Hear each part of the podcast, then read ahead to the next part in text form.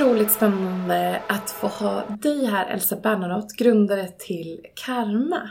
Mm, jättekul att få vara här. Tack för inbjudan. Ja, det är ju en app som, som idag används av butiker, kaféer, restauranger, privatpersoner. Mm. Alla eh, gemensamt samarbetar för att minska matsvinnet.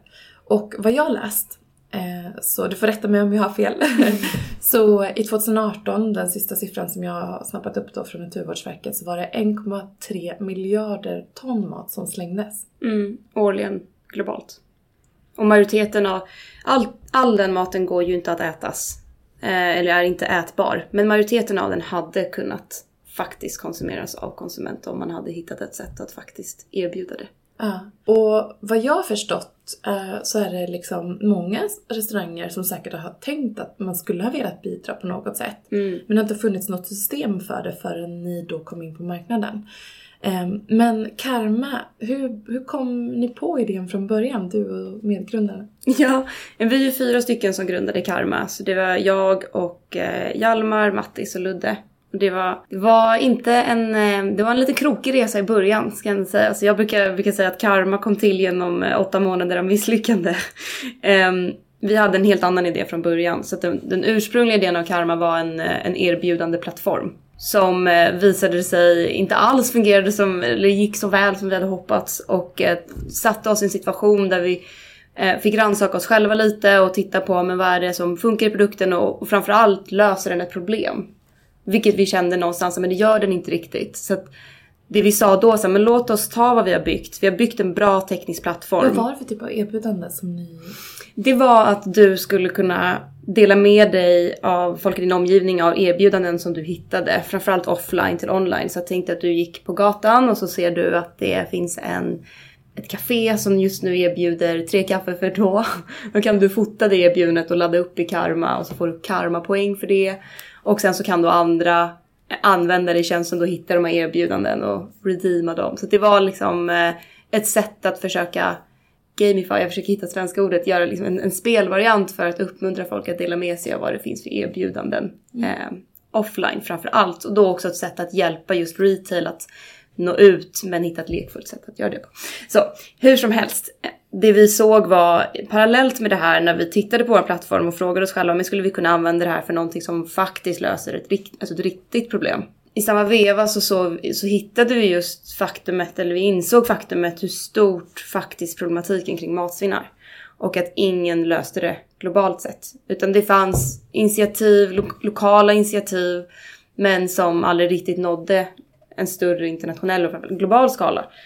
Och eh, då, det var då vi sa, men det här måste, hur kommer det här sig? Det här måste ju gå att lösa på ett enklare sätt.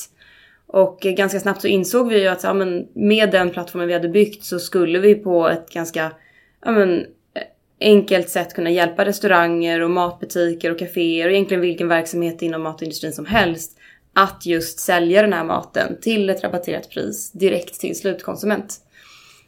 Um, just vi såg också att alla konsumenter konsumerar mat eh, och älskar att spara pengar och vill gärna vara med och göra någonting gott. Verkligen. Så då Tre tänkte... viktiga incitament ja. som i stort sett checkar allas boxar. Ja, eh, precis. Om man har möjligheten liksom. Jo men exakt, vi alla kanske inte måste spara pengar men generellt så vill gemene man göra det om man kan. Men sen också faktumet att alla kanske inte tillägnar en stor del av sin tid för att arbeta för en hållbarare miljö. Men om man frågar gemene man, även där vill man ju vara med och bidra. Och då tänkte jag, men det här kan ju också vara ett enkelt sätt att få varje person att kunna vara, att vara med och bidra i det lilla. Och det är det vi också tror är kanske den långsiktiga lösningen för att faktiskt kunna lösa problemet på global skala.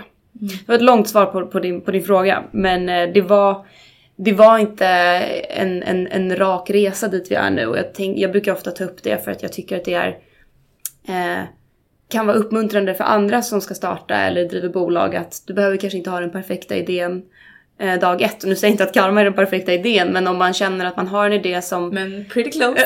vi, väl, vi, vi älskar ju våran idé. Um, mm. Men att saker ändras så himla mycket under resans gång. Det har det gjort för oss även sen vi började jobba just med matsvinn. Bara nu under corona har ju vi ändrat om delar av vår verksamhet och har lanserat nya produkter och sådär. Och det är, det är ett konstant arbete. Så att idén är ju aldrig klar heller riktigt. Mm. Utan den, den utvecklas. Det tror jag är positivt. Ja. Eh, men och hur ser då affärsmodellen ut? Var tjänar ni pengar? Om vi utgår mm. från den här matsvinnsfokuset eller mellan Precis. restauranger och privatpersoner då, mm. eller kaféer och privatpersoner först. Mm. Så vi tar eh, om en, vi tar en transaktionsavgift för det som restaurangerna lyckas sälja i plattformen. Och det vi har varit väldigt måna om är att vi vill skapa ett incitament för just matverksamheter att vara med i plattformen vare sig de har matsvinn eller inte. För vissa har mer eller mindre, alla har något men uh, vissa har inte så mycket. Så vi tar ju liksom ingen uppstartsavgift eller någon löpande avgift. Om du laddar upp mat i plattformen kostar ingenting heller. Däremot om vi gör vårt jobb, vilket är att se till så att den här maten räddas, då tar vi en del av den transaktionen för att täcka våra egna kostnader och att kunna fortsätta växa. Mm. Och sen tar vi en liten karmaavgift även från köparsidan också. Mm. Eh, men du har ju egentligen en liksom, historia innan karma också. Eh, mm. Som man ofta kanske glömmer bort men som ändå är en viktig del av att du landat där du mm. står. ja. eh, berätta, vad hade du för planer innan och vad gjorde du innan karma? Karma är mitt andra bolag. Så att um, jag hade ett bolag innan som hette Popfruits. Så Popsicle Fruit skulle man kunna säga. Och det var helt enkelt ett, ett nyttigt alternativ till glass. Som bestod av fryst frukt på pinne. Mm. Så att jag, jag, jag har någon röd tråd inom mat av någon anledning. Jag vet inte, det hade jag nog inte gissat för tio år sedan. Men eh, det var mitt första bolag och eh, jag grundade det ett år en, efter eh, mina studier på Handels. Jag jobbade då på Chanel eh, där jag var eh, produkt, eh, produktchef för den svenska marknaden. Och ehm, kände väl där och då att, att jag, jag visste att jag ville bli entreprenör och försökte då hitta den här perfekta idén. Så under det året på Chanel så, ehm, så tror jag att jag startade tre olika, eh, försökte starta upp vid tre olika tillfällen olika bolag vid sidan om. Och eh, insåg till slut att så här, men det här kommer aldrig, inget av det här kommer flyga om jag gör det lite, lite halvmesyr från min egen sida på kvällar och helger. Utan jag landade i att jag ska säga upp mig och så kör jag på liksom en av mina idéer. Och så får det ta mig, får vi se vart det tar mig. Och var i samband med det som jag, när jag gick i de tankarna som jag kom i kontakt med Erik då, som jag grundade det bolaget med. Som hade den här idén från att han, eh, hans mamma brukade frysa in bananer till honom när han var liten och ge, ge, ge till honom som en glass. Eh, så han trodde ju att fryst banan var liksom glass hela, hela sin uppväxt. Eh, stackars Erik. Ja, stackars Erik. um, nej, men, och jag älskade den jag tycker det var fantastiskt. Jag ja. gillade just enkelheten och att... Jag tror att jag har köpt eh, dina, men, eller, för du, men du kanske har en konkurrent då, eller hade en konkurrent inom det, att det kom. För att jag har köpt dem där till mina barn. Ja, nej men alltså de, de finns fortfarande. Nu vet jag inte riktigt var om jag ska vara ärlig för vi sålde bolaget för några år sedan och sen har det sålts vidare tror jag i två led. Mm. um, men det senaste jag sett är att det har lanserats i en annan, i mindre storlekar i, i, i Big Pack. Exakt, och det är den jag har köpt. Precis, ah. och det har ju varit lite mer positionerat mot just barn. Eh, vilket det passar ju perfekt att du får liksom en liten mango på pinne eller en liten bit vattenmelon eller um, liten bit ananas. Så, um, så det kan vara den du har testat då. Så att den finns, alltså produkten finns, men det vi såg också var ju att även om det är 100% frukt så i och med att den är fryst så är den ju väldigt tätt associerad med glass. Och vi, vårt land är ju väldigt säsongsbetonat så att produkten passade ju ännu bättre får man ändå säga eh, mer söderut i Europa. Så att eh, vi lanserade ju i eh, på beachclubs till exempel i Spanien eh, via en partner och så vidare. Så att där finns den nog kvar fortfarande. Mm. Men eh, spännande resan då ja. och viktigt att lyfta det. Att så här, man provar mm. och man vet att man, om man har en ambition eh, mm. så, så får man, måste man våga köra. Mm. Att det är oftast där kanske många misslyckas, att man inte ens tar steget ut. Ja, jag menar i värsta fall så misslyckas du, då kan du ju bara testa igen. Mm. Eller testa något annat. Alltså misslyckas men att du inte får det resultatet du ville. Um, nej men det var en fantastisk resa. Popfruit för mig kommer ju alltid ligga väldigt nära hjärtat för mig eftersom det var där min entreprenörsresa började. Och jag är otroligt stolt över vad vi lyckades göra trots att vi var så otroligt unga och, och, och gröna och eh, nu efterhand så hade jag kanske gjort lite saker annorlunda. Men eh, vi gjorde verkligen vårt bästa varje dag och det var så otroligt roligt. Och att sen lyckas sälja bolaget var ju no också någonting som eh, jag är väldigt glad över att vi lyckades göra och, och liksom knyta ihop den resan på det sättet vi gjorde. Mm. Verkligen.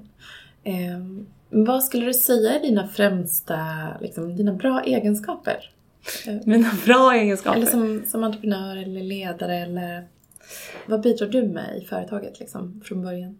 Ja, precis. Jag, jag skulle kanske säga det som jag eh, har fått som feedback då, av andra. Eh, jag tycker det är ganska svårt att se sig själv objektivt. Men det, den feedbacken jag får, av, eller det mitt team brukar ta upp är ju att jag, um, jag har ganska mycket energi. Ehm, och är otroligt optimistisk. Vill alltid att vi ska få, tror alltid på att vi kan få dubbelt så mycket gjort på halva tiden. Ehm, och ehm, jag älskar ju bara det jag gör och det tror jag smittar av sig. Så jag är liksom... Um, och jag tror också att mycket av mina styrkor är också det som är jobbigt med mig också. Alltså energin, att jag hela tiden pushar på Eh, och, och försöker liksom skapa ett tempo och en positivitet och en känsla av att allt är möjligt. Men det kan ju också skapa en, en stress för det finns så otroligt mycket att göra då och att det blir ett högt tempo. En annan sak som jag själv har upplevt kanske eh, har varit hjälpsamt för mig är, är väl att jag är ganska rak, rak på sak och eh, försöker säga vad jag menar och menar det jag säger. Men även där, det kan också vara jobbigt för då gäller ju att liksom välja sina tillfällen, att man behöver inte säga allt man tänker. Men det har hjälpt mig för jag tror att det har um, jag, jag, tror att jag har skapat en kultur på Karma där folk är ganska transparenta. Uh, och det tror jag gör att man känner um, en större frihet och att man får mandat och uh, att det är liksom... Vi är inte så superhierarkiska skulle jag säga. Mm. Känns modernt. Kan, alltså, ja, jag vet inte. Kanske. Ja. Um, och viktigt också när man börjar bygga någonting. Mm. Att man är, gör det tillsammans verkligen. Mm. En grej som jag inser, jag är väldigt nyfiken. Jag älskar att lära mig grejer och det tror jag är ganska gemensamt för många entreprenörer och jag tror att det är ganska gemensamt för många på Karma att det finns någon form av så här inbyggd eh, lust och längtan att utforska saker som um, outforskade saker eller saker man bara inte har lärt sig. Och just att bygga bolag är ju bara så en konstant resa av att göra saker som inte har gjorts eller man själv inte har gjort. Eh, det tar aldrig slut. Och det, det är otroligt roligt, jag älskar det. Och det tror jag är en, att jag, att jag just älskar, att jag har den nyfikenheten tror jag är en styrka i mitt jobb. Mm. Eh, men om man då tittar på själva plattformen ni byggde. Ni började på en ände, insåg att det var en återvändsgränd men mm. kan vi göra, lösa något riktigt problem? Mm. Eh, vad var utmaningarna rent tekniskt där? Oh. Ja, det var ju att alltså, det vi sa vid den stunden var att vi inte skulle göra som vi hade gjort tidigare, vilket var att lägga väldigt mycket tid på det tekniska innan vi testade våran idé. Så för det hade vi gjort under de tidigare åtta månaderna och där tappade vi mycket tid. Så att rent tekniskt så sa vi låt oss bygga så lite, låt oss ändra så lite vi bara kan rent tekniskt. Och göra en så kallad MVP då. En, en så enkel prototyp som möjligt av den, av den här modellen som Karma är idag. För att bara se, finns den efterfrågan? Vill restaurangerna använda det här? Har de det här problemet även om all statistik tyder på det? Och är konsumenter villiga att faktiskt köpa mat till halva priset som ändå eh, riskerar att bli matsvinn om det inte säljs och att sen komma till platsen för att hämta upp det. Så att det var väl, det var ju inte en teknisk utmaning rent tekniskt, utan det var mer bara den, den, den ständiga avvägningen av, som vi fortfarande sitter med och som jag tror är ganska klassisk, är ju var lägger man ribban? Hur mycket tid ska vi lägga på eh, på den tek- tekniska delen för att ha behålla hastighet, att vara snabba, att få ut någonting, men att samtidigt ha någonting som är tekniskt stabilt och skalbart. Um, där och då var det nog ganska straightforward för vi visste att vi behöver bara typ det mest enklaste som, som finns, alltså det mest basala i form av att en restaurang ska kunna säga vi har så här många måltider kvar. Och sen ska en konsument kunna se de produkterna och kunna säga jag vill köpa det här. Men det var liksom det enda, vi gjorde det väldigt bara mest en front. Och sen satt vi liksom bakom några och, och liksom gjorde allting manuellt. Så att jag kommer ihåg hur en av våra första, när vi gjorde ett test, så gjorde vi det tillsammans med en restaurang som heter Karott. Och eh, då satt jag bokstavligen på Karott Eh, och chattade med dem i teamet som skrev till mig när de såg att någon av våra vetatestare då hade köpt något i Karma. Då hade jag ett papper där jag skrev upp vad användaren hette och vad den hade köpt. Gick med det här pappret till restaurangen och bara så här. Den här personen kommer komma och säga sitt namn. Låtsas som att du vet om det, att du har sett det i vår plattform. Eh, och, mm, och de bara okej. Okay. Så allting var det, var, det, det upplevdes nog som plattformen är idag men allt var i citattecken fejk. Mm. Um, och det gjorde att vi kunde ju liksom vrida om från den här stunden när vi insåg att så här, det här funkar inte, vi måste ändra om. Kom på den nya idén och faktiskt hade en prototyp ute, ute där vi hade en indikation på att konceptet funkade. Det gjorde vi på några veckor. Mm. Mm, häftigt ändå. Det var väldigt och det också visar ju att här, bakom fasaden, you gotta do the dirty work på något sätt. Mm, mm. ja, eh, vilket också är väldigt eh, viktigt tror jag, som mm. för lyssnare att, att höra. Eh, om man har en ambition. Mm. Eh, att det, det, kan kännas väldigt glassigt. Liksom. Mm. Ja men du har fått, eh, liksom, eh, fått bekräftat från en stämpel från Obama att ja. du har lyckats som entreprenör. Mm. Men du satt där på karott. ja men och så där är det ju, det är, så, här, så där är det fortfarande. Vi, vi har ju nu nyligen lanserat en ny produkt som heter eh, Karma Box. Karma Boxes. Som är helt enkelt en, där du kan prenumerera på en frukt och gröntlåda som kommer hemskickat till dig varje vecka. Um, och det intressanta med det initiativet, det kom verkligen från att vi fejkade, eller liksom gjorde the dirty work, eller hur du nu uttryckte. Bara för att se så här, finns det ett intresse här? För vi såg att behovet fanns från odlare och grossister, att det liksom fanns ett, ett ökat överskott av frukt och grönt. Framförallt liksom alltid funnits, men ännu mer drivet nu, eh, ännu, ö, en ökning nu under corona. Så då gjorde vi gjorde ett utskick till ett, en, eh, ett antal av våra användare helt enkelt och berättade att nu kommer den här produkten, är du intresserad av att få den? Och jag tror vi skickade ut det till kanske 4000 personer och inom några timmar så hade över 3000 personer signat upp och sagt att jag är intresserad. Och vi frontade det nästan som att den här produkten finns. Fastän att vi hade ingen aning om hur vi skulle, hur vi skulle sourca produkterna, hur vi skulle var vi skulle förvara det, hur vi skulle paketera det, hur vi skulle distribuera det, hur vi skulle marknadsföra det, hur vi skulle prissätta det. Det var liksom okej. Okay. Um, men då när vi fick den typen av reaktion och, och liksom respons från marknaden, då är det okej okay, bra, då tar vi nästa steg. Vad är nästa steg? Ja, men vi kanske ska sätta upp en, en landningssida där folk kan börja anmäla sig så vi slipper mejla dem. Och sen så jobbar man så, okej okay, men vi, vi börjar ringa då. Vi sätter, vi sätter oss och ringer runt till olika odlare och grossister och våra liksom, kontakter i restaurangbranschen också. Um, och på den vägen är det. Mm. Och nu är den produkten en jättestor satsning för oss. Mm. Och ytterligare ett affärsben då. Ja. Eh, ni har ju en affärsmodell som ni, ni säger, jag, jag skrev win-win i frågan. ja. Du säger win-win-win. Ja. Berätta. Eh, ja, det är lite löjligt, det räcker egentligen med win-win. Men, eh, nej, men det representerar ju det första winnet är för just restaurangerna och matbutikerna som vi jobbar med.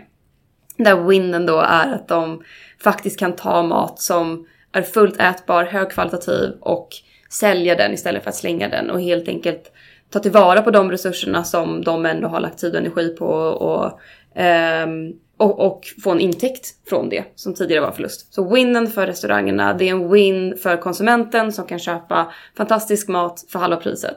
Och det tredje winnen är ju det som allt det här resulterar i från att vi gör det här tillsammans, vilket är ju att vi tar tillvara på de resurser vi har och lever mer hållbart. Mm.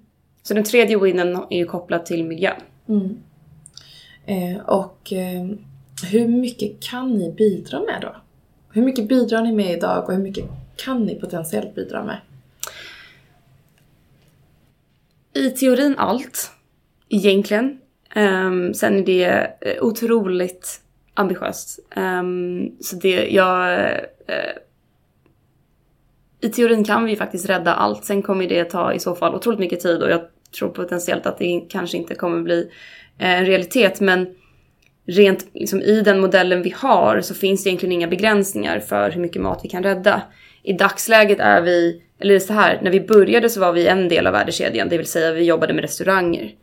Eh, och förmedlade just restaurang, kontakten mellan restauranger och konsument. Sen la vi till kaféer, bagerier, hotell. Sen la vi till dagligvaruhandeln som vi jobbar med också sedan flera år tillbaka. Och sen har vi lagt till grossister och nu jobbar vi även med odlare. Um, så att i dagsläget så, så jobbar vi ju längs, inte hela kedjan, men nästan. Så den biten som återstår för oss idag är ju egentligen konsumentledet främst. Och den är ju hälften av allt matsvinn, om inte mer. Så det är ju en jättestor del. Eh, som vi inte är inom idag. Men egentligen finns det ingenting som stoppar oss. För det som det vi gör i grunden är ju att vi har hittat ett sätt att använda teknik för att visualisera hur ser matsvinnet ut och att sen hjälpa eh, oss alla att matcha mm, alltså utbud och efterfrågan. Så att vi jobbar ju, började med restaurang till konsument, sen har vi lagt till till exempel att restauranger kan köpa från grossister. Och vi har till exempel karmakylarna där grossister kan ladda upp sin mat och eh, vi stoppar in det i våra kylar där då konsumenter kan köpa. Mm. Så det är ett nytt sätt att liksom koppla ihop grossist och konsument som inte har funnits förut. Så att vår långsiktiga ambition är ju verkligen att skapa den första matsvinnsfria generationen. Och vi ser ju verkligen att det, det, det finns egentligen ingenting som stoppar oss från att nå dit. Men sen är ju problematiken så pass stor att det kommer ta otroligt lång tid och det kommer säkert krävas fler än oss um, för att det ska uppnås. Mm. Men jag är ju, jag är ju, det här är ju min optimism och uh, min energi som kommer in att liksom, uh, vilket är, det, det finns någon så här positiv naivitet i det hela. Verkligen.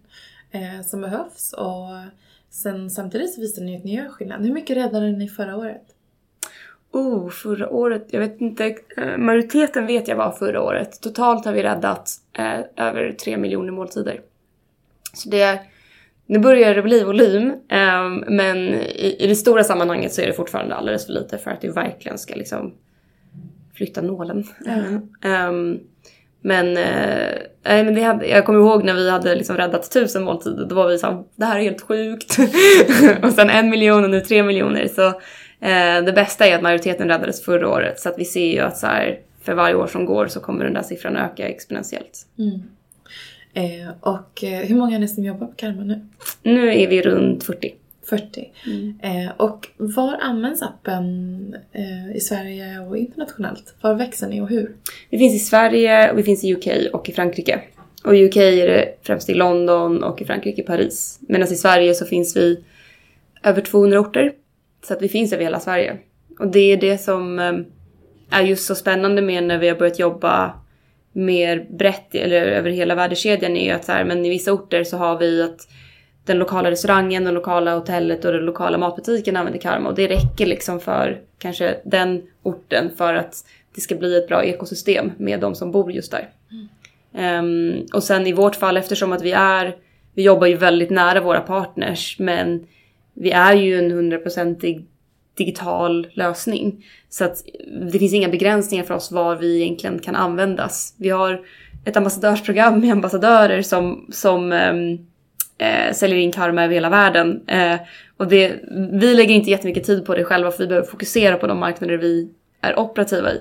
Men det är väldigt häftigt att se hur liksom folk sprider det här över hela världen och egentligen så kan liksom en, en liten restaurang i Italien använda det eller i Ukraina eller i Kina eller var som helst. Det, det finns egentligen inget annat, inget som stoppar oss för att göra det mer än att vi behöver fokusera. Mm.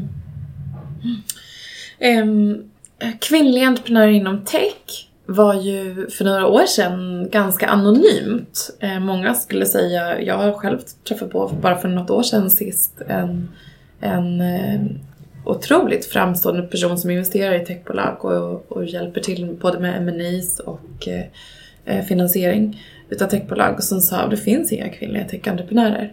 Hur säger När var det här? Ett år sedan. Ett år sedan? Mm. Hur eh, tänker du att, har det, har det, från ditt perspektiv, har det här förändrats över den tiden du har varit aktiv? Visst sa du tech-entreprenörer? Så inte entreprenörer? Nej. Jag tror att det har ändrats, men oj vad svårt. Det blir väldigt subjektivt. Jag skulle säga att det finns absolut mer kvinnliga entreprenörer, men sen tycker jag när man ska definiera en tech-entreprenör versus en inte tech-entreprenör. Eh, vi på Karma är ju ett techbolag, ett tech-startup, foodtech och jag ser mig själv som en tech-entreprenör. Men det kanske inte alla skulle hålla med om, det beror på hur man definierar det också. Mm. Men idag har jag väldigt svårt att se att man inte jobbar i det tekniska till någon grad. Även om ens huvudprodukt kanske inte är teknisk i och för sig, vilket det är i vårt fall. Um, jag har jättesvårt att svara på det mm. faktiskt. Mm. Um. Jag hoppas att det har ökat. Jag önskar att det har ökat. Intressant. Jag, jag hade en eh, intervju med Karin Holmqvist, hon är professor på Handels, Mm. eh, som har forskat just på hur i procent hur stor andel av kvinnliga entreprenörer, eller stor, bolag som startas, som startas av kvinnliga. Mm. Eh, av tjejer. Mm. Eh, och eh, det är så störigt att man säger kvinnliga entreprenörer men bara entreprenörer. Jag hatar det. Ja, så nu tar vi bort det där. Ja. Men, men eh, hon säger ju att från 80-talet och fram till nu så har det ökat, då var det 25% Mm. eh, per år som startades av kvinnor. Att, av alla bolag som startats I så är Sverige. 25% grundade av kvinnor. Precis. Mm. Och nu så ligger den på strax över 30, mellan 30 och 33. Så att ungefär en, säg i snitt 30, eh, 8% ökning.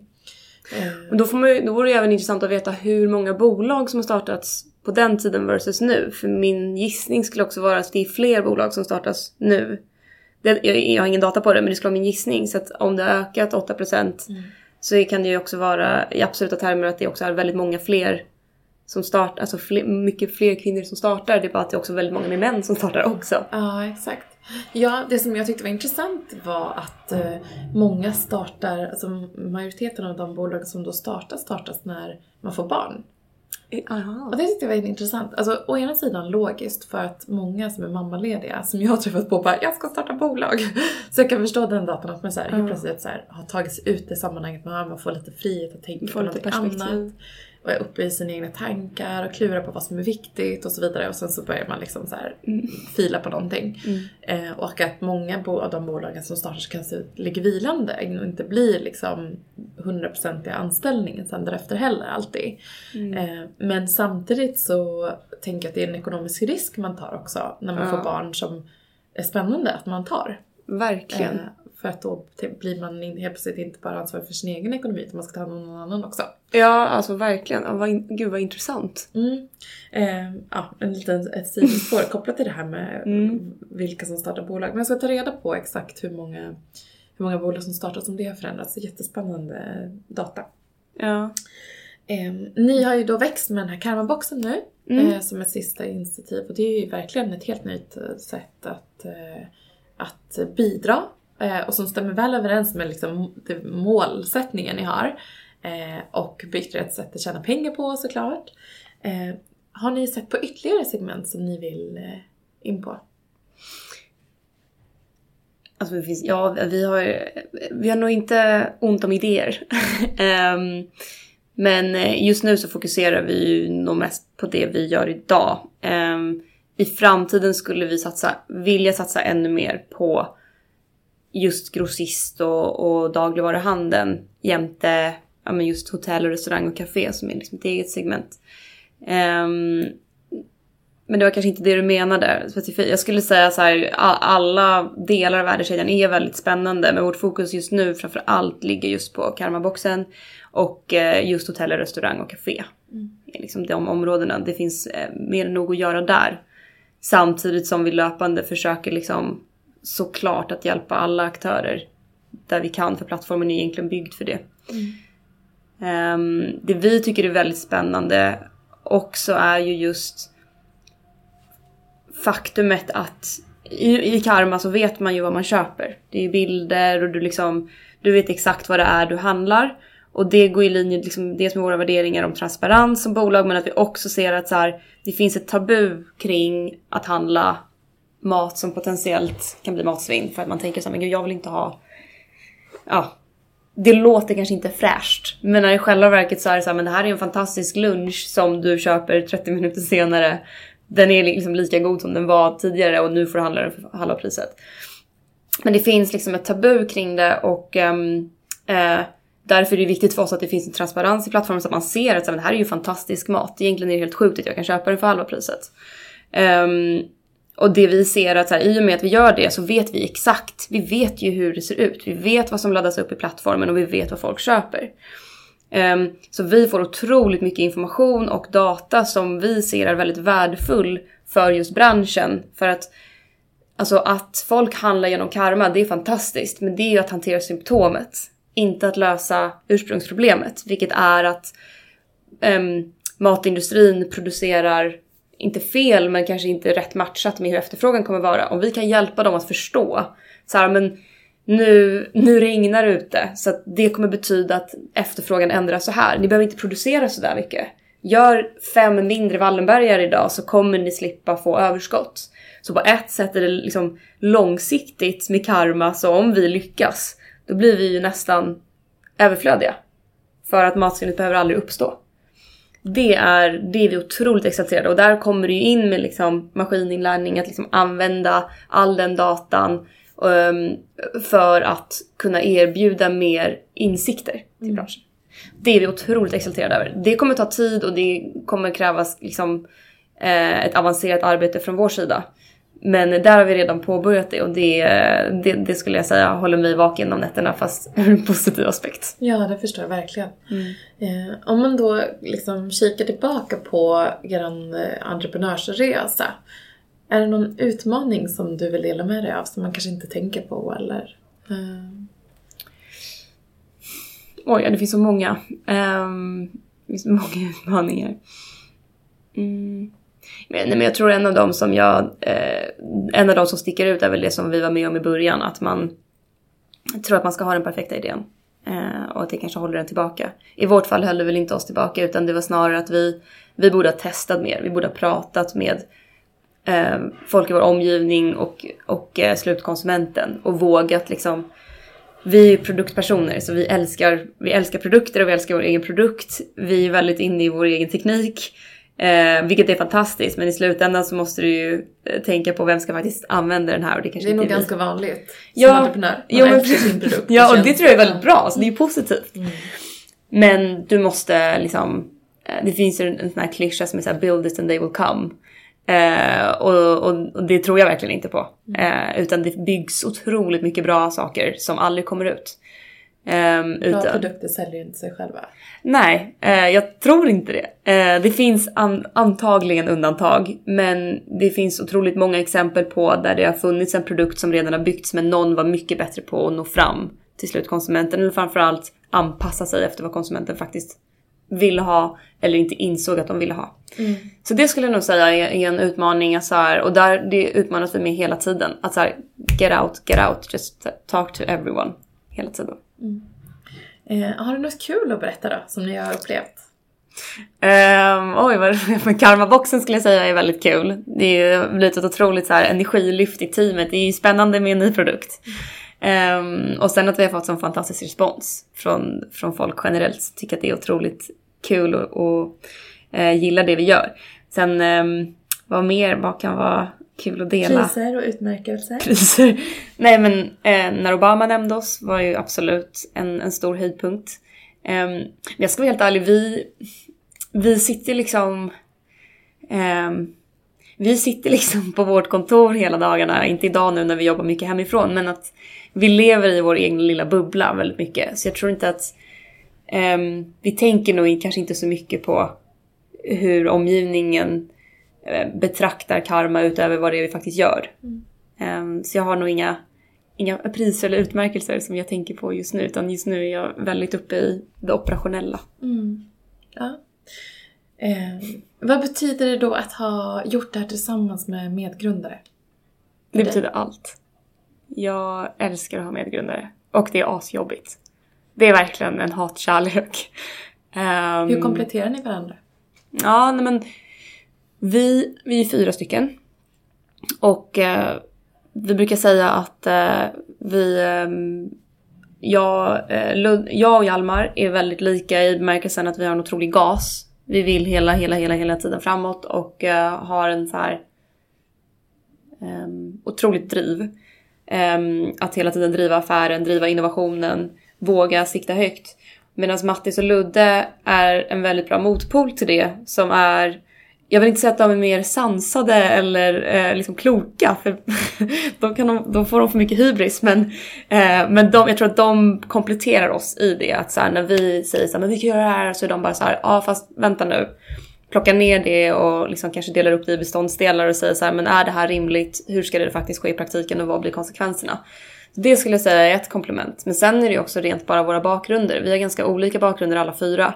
Mattis är mm, ingenjör från norra Sverige. Jag är uppvuxen ute, ute, ute i skogen utanför Uppsala. Eh, Och eh, Mattis ingenjör, Ludde är ingenjör från KTH, jag är ekonom från Handels, Hjalmar är läkare i grunden. Um, så jag tror det finns något kompletterande i att vi båda har olika utbildningar och att våra uppväxter tror jag var väldigt olika från alla håll. Uh, men vi enas i uh, liksom, att vi verkligen tror att vi kan använda teknik för att uh, ha en, en påverkan på global skala inom ett av världens största samhällsproblem eller ett av våra största problem. Um, ja, det skulle jag säga. Mm. Hur har ni påverkats av eh, det här förbaskade viruset? Ja, det har varit blandat får jag ändå säga. Jag tycker det har varit, det har varit jättetufft för oss och samtidigt väldigt positivt. Så det, eh, det tuffa för oss är ju att det har slagit väldigt hårt mot vår egen bransch. Alltså, främst då restaurangbranschen som har gått och går fortfarande till stor del på knäna. Att eh, eh man har det väldigt tufft, man har sett en otroligt minskad ehm, eh, mängd kunder. Eh, och det blir väldigt svårt att eh, estimera just så här, men hur kommer kundflödet vara nu och så vidare. Och det påverkar ju såklart oss också ifall restaurangerna inte kan hålla öppet eller inte överlever. Så det har varit tufft. Eh, sen så har det ju varit tufft på samma sätt som jag tror att det är tufft för alla nu, att det är otroligt svårt att veta, eh, att eh, förutsäga vad, hur saker kommer vara i framtiden. Kommer det komma en ny våg i höst? Kommer det inte göra det? Hur ska vi anpassa efter det? Hur mycket kommer det här påverka vår omsättning? Eh, kommer den gå ner? Kommer den gå ner till noll? Ska vi vara beredda på det så att vi står uthålliga i det läget? Eh, och sen också titta på respektive marknad för det finns ju otroligt olika eh, faktorer som, som påverkar respektive, eller de olika marknaderna fungerar väldigt olika. Um, så det har varit väldigt tufft och det är fortfarande tufft. Sen på den positiva sidan så um, det som corona har gjort för oss också är att vi blev otroligt kreativa. Vi kände så här, men nu, okej, okay, vi måste göra allt vi kan för att liksom kunna hjälpa vår egen bransch, kunna hjälpa där vi kan och hjälpa oss själva. Eh, och det var ju det som ledde mycket till att vi, det här initiativet kring karmaboxen till exempel, verkligen tog fart. Och vi var bara såhär, men det här behovet kommer bara öka. Matsvinnet kommer eh, öka för Eh, för de typer av produkter och folk kommer vara hemma och man kommer ha behov av hemleverans på ett annat sätt. Och sen så gjorde vi en kampanj tillsammans med Rädda Barnen som eh, vi kallade Karma Lemon Challenge. Ehm, där, man helt, där vi helt enkelt tillsammans med Rädda Barnen ville hjälpa barn som hade påverkats av just Corona eh, och som har fått mindre eh, eh, tillgänglighet till riktigt bra mat för att de inte går i skolan i samma utsträckning. Så då gjorde vi en stor donationskampanj med dem, med Rädda Barnen, Eh, där vi liksom försökte sträcka oss ut till vårt, till, till nätverket och vi har då den, den eh, räckvidd vi har genom våra plattform och uppmuntra folk att liksom först uppmärksamma problematiken och sen fråga ifall de så här, ni kan gå in i appen och donera måltider så säkerställer vi via Rädda Barnen att det levereras till de här utsatta barnen eller barnen i utsatta situationer. Eh, och det tycker, är jag jättestolt över personligen att vi lyckades uppnå det där vi har levererat eller ska leverera över 50 000 måltider till barn. Det är nästan så mycket att vi knappt förmår att göra det så det är jag jätteglad över. Eh, men sen att vi även har liksom gjort jag tror vi inom tre veckor släppte tre nya initiativ i form av hemleverans och att man hade möjlighet att eh, sälja mat för fullpris som restaurang, vilket enbart var liksom ett initiativ drivet av att hjälpa dem för att de inte hade någon omsättning. Eh, till att man även kan dricksa till restauranger till exempel via plattformen. Så att eh, det har varit väldigt positivt. Så jag tror jag är benägen att hela tiden se liksom att i, i de tuffaste situationerna så, så kan det liksom födas väldigt mycket innovation också. Mm. Bra slutord. Mm. Elsa, tack för att du var med i det här avsnittet och eh, lycka till med att ta över världen. tack. Tack för att jag fick komma. Det blir nästa steg. Ja, det, det blir nästa grej. Det ja. lilla steget. tack så jättemycket.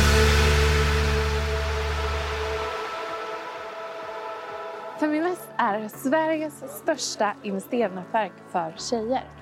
Vi vill att allt fler ska våga äga och förvalta. Och hur gör vi då detta? Jo, vi vill inspirera, utbilda och utmana runt ägande, investeringar och entreprenörskap. Följ Feminvest på våra kanaler Facebook, Instagram, Youtube varje vecka så kommer vi även ut med en podd och du kan ju självklart även följa nyheterna som publiceras på feminvest.nu. Det är bara att söka på Feminvest på samtliga kanaler så hittar du till oss.